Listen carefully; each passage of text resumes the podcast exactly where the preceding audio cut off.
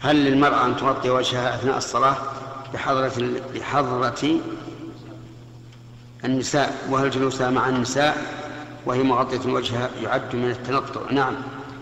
يعد من التنطع ولا ينبغي أن تستر وجهها وهي تصلي.